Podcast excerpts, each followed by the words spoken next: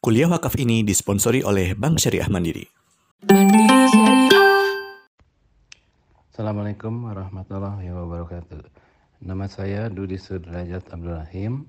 Saat ini saya bertugas di pemerintah Provinsi Jawa Barat, kantornya di Sekretariat Daerah di Gedung Sate sebagai asisten administrasi di eh, Pemprov Jawa Barat. Kalau melihat perkembangan teknologi, khususnya teknologi informasi, yaitu ada dua hal, teknologi informasi dan komunikasi.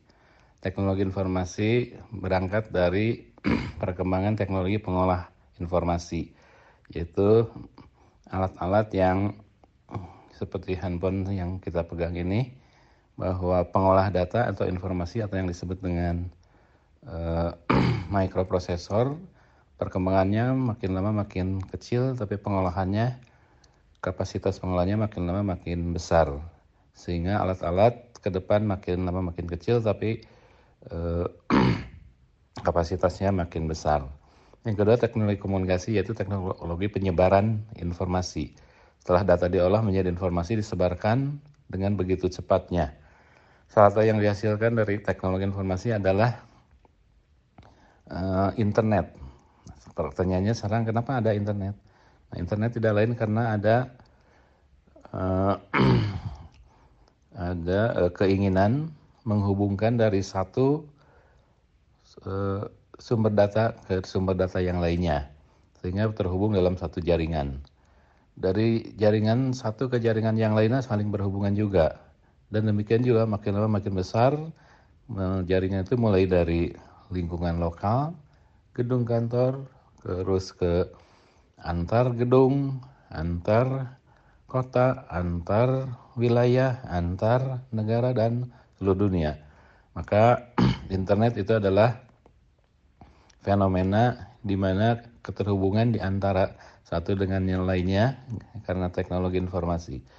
Dan fenomena ini menghasilkan uh, sinergi di antara sumber-sumber data dan informasi Nah oleh sebab itu internet muncul karena kegotong royongan, karena kebersamaan, sehingga ada timbul istilah yang disebut dengan model ekonomi, menghasilkan implikasinya ke model ekonomi yang disebut dengan sharing ekonomi atau ekonomi berbagi. Nah ekonomi berbagi ini ini karena ada nilai-nilai gotong royong, kebersamaan dan keinginan untuk saling Eh, membagikan khususnya informasi dan nilai informasi itu bisa dalam bentuk uh, uang di antaranya atau uh, barang dan sebagainya.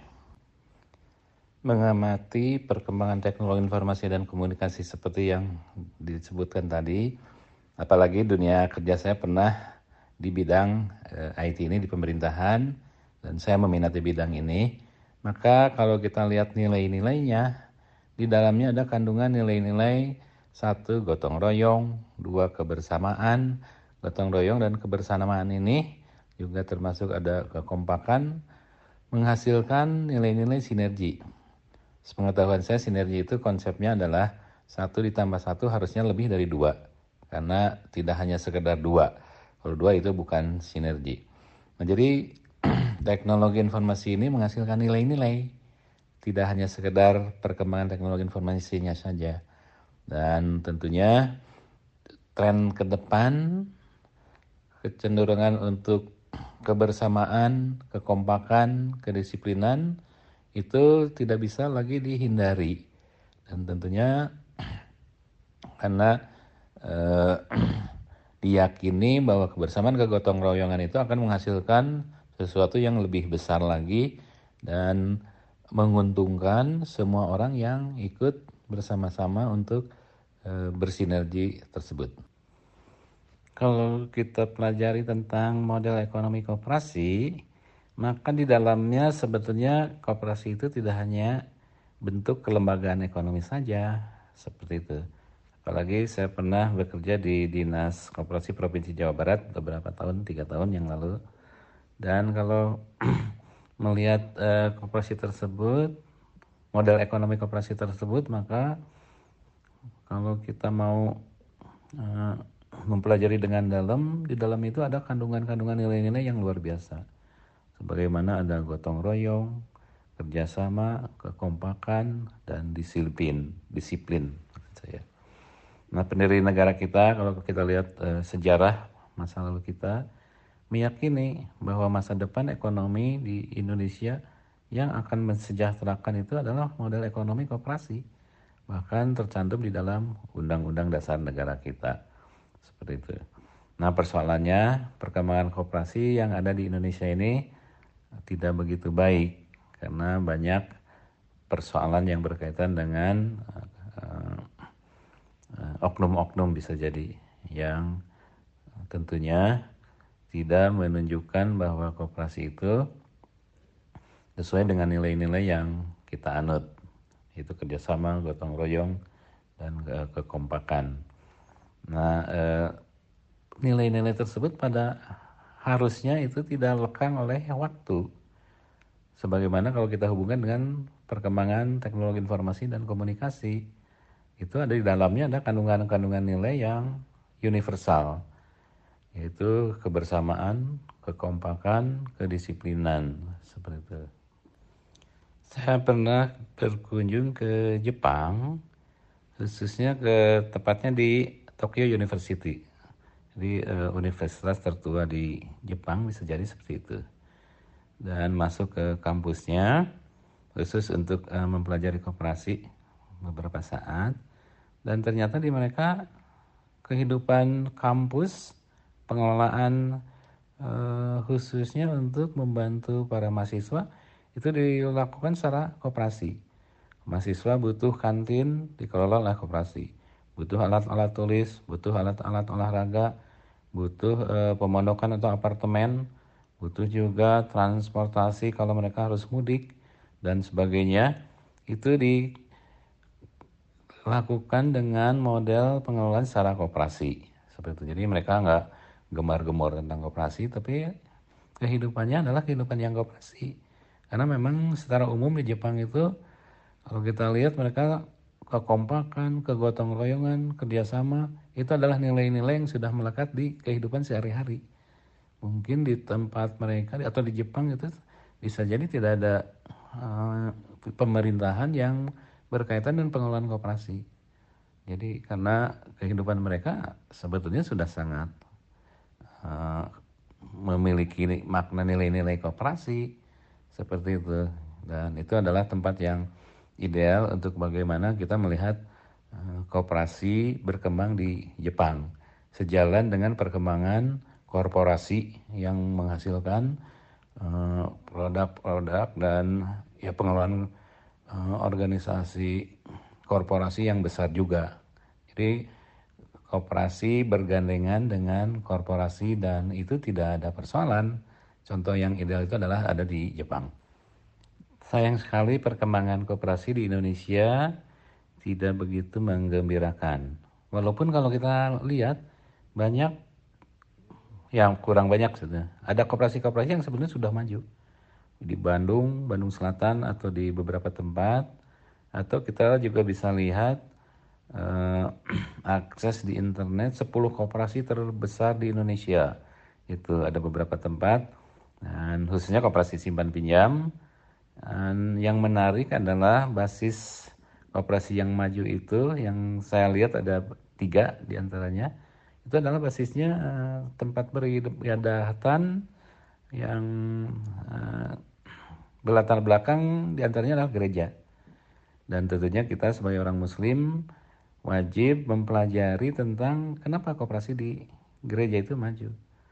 Dan kalau saya amati bahwa di gereja itu maju karena bisa jadi kita kalah dalam kedisiplinan mereka, kegotong royongan mereka, kebersamaan mereka, dan dilakukan secara konsisten terus menerus sehingga menghasilkan pengelolaan kelembagaan yang tidak hanya mengurus tentang peribadatan, tapi juga lebih jauh lagi perekonomian mereka juga ditopang atau uh, sosial ekonomi kesejahteraan kehidupan baik uh, sosial dan ekonomi itu dilakukan oleh lembaga selain oleh uh, lembaga ke, uh, keagamaan untuk ngurus agama apa, keperibadatan mereka juga mengelola untuk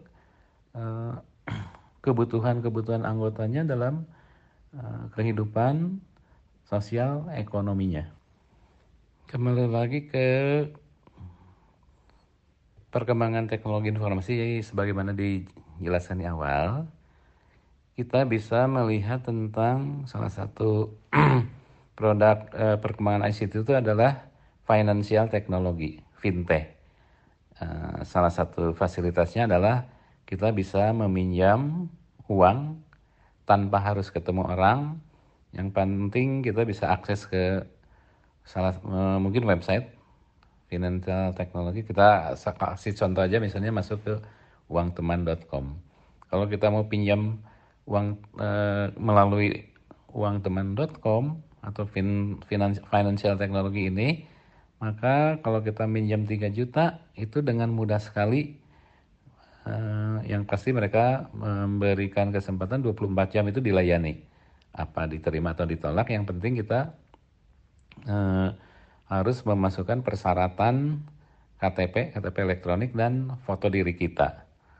Dan uh, mereka kalau kita minjam maksimal 3 juta itu dalam waktu misalnya satu bulan itu ada biaya pelayanan yang biaya pelayanannya itu mungkin Eh, bisa lebih sehari itu satu persen dan kalau 30 hari 30 persen. Kalau satu tahun 360 hari 360 persen. Bayangkan perkembangan ICT bisa menghasilkan nilai ekonomi terutama dalam meminjam uang dengan begitu uh, besar bunganya. Dan bisa jadi di kehidupan sehari-hari kita juga banyak. Tanpa uh, perkembangan ICT, tanpa pengembangan, tanpa financial teknologi, ibu-ibu di pasar itu bisa jadi mereka minjam ke ya mungkin namanya bank keliling dan sebagainya. Itu bunganya kalau kita lihat sebetulnya sangat mencekik. Tapi faktanya mereka mau meminjam ke tempat-tempat tersebut, ke unit-unit yang bisa jadi juga tidak atau ilegal karena tuntutannya bukan lagi uh, jumlah bunga, tapi kecepatan pelayanan.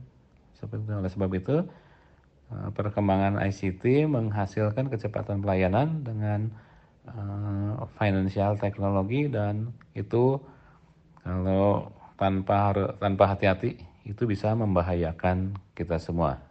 ICT selain menghasilkan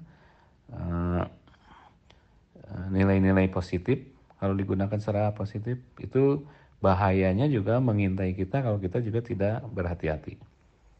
Selain financial technology, saya juga mengamati di internet itu ada juga tempat-tempat yang memberikan kecepatan pelayanan untuk donasi. Saya ambil contoh saja di Indonesia yang saya tahu itu ada namanya kitabisa.com. Kitabisa.com adalah salah satu Eh, web atau mungkin juga aplikasi yang memungkinkan orang untuk uh, melakukan donasi dengan kecepatan tinggi karena ini juga tanpa harus ketemu orang.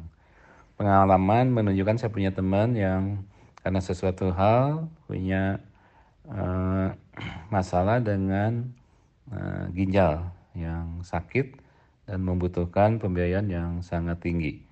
Nah, oleh teman-temannya dimasukkan saja ke kitabisa.com itu dalam waktu beberapa minggu, beberapa bulan kebutuhan pembiayaan untuk operasi untuk e, perbaikan ginjal sebesar 500 juta itu dalam jangka, jangka waktu beberapa minggu dan bulan itu setengahnya itu dengan mudah terkumpul. Seperti itu. Jadi ada e, kemudahan untuk berdonasi. Kita hanya e, tinggal transfer karena informasinya sudah sangat jelas ke nomor rekening tertentu sehingga dimudahkan untuk berdonasi memanfaatkan teknologi informasi dan komunikasi. Mengamati dua model pengelolaan organisasi sebagai salah satu contoh aja tadi di financial teknologi dan juga di donasi itu dua ekstrim yang sangat uh, bertolak belakang maka saya menghubung-hubungkan dua organisasi tersebut kalau kita jadikan satu organisasi maka saya menilai itu adalah organisasi koperasi harusnya. Di satu sisi khususnya berorientasi ke kesejahteraan untuk membantu anggota totalnya ada keanggotaan. Anggota masa anggota organisasi koperasi yang membutuhkan. Yang kedua juga organisasi yang berorientasi ke nilai-nilai sosial itu juga harus membutuhkan uh, bisnis-bisnis orientasinya ke per, pengembangan ekonomi sesaat yang menghasilkan bisnis-bisnis tersebut. Nah, jadi dua peng, dua model pengelolaan organisasi yang sangat ekstrim di satu sisi ada financial teknologi yang cenderung mencekik Eh, dari sisi bunga. Di sisi lain ada satu pengelolaan organisasi dengan kelembagaan yang berorientasi ke kesejahteraan, membantu kesejahteraan orang ya melalui donasi. Maka sebetulnya kalau dua organisasi tadi dihubungkan, saya meyakini adalah yang disebut dengan kooperasi.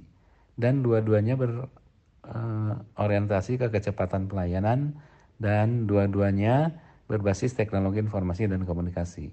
Dengan demikian artinya ke depan pengelolaan organisasi itu yang berorientasi ke kecepatan pelayanan, baik itu pemerintah atau non pemerintah atau korporasi, nggak mungkin dihindari lagi tanpa pemanfaatan teknologi informasi dan komunikasi atau ICT.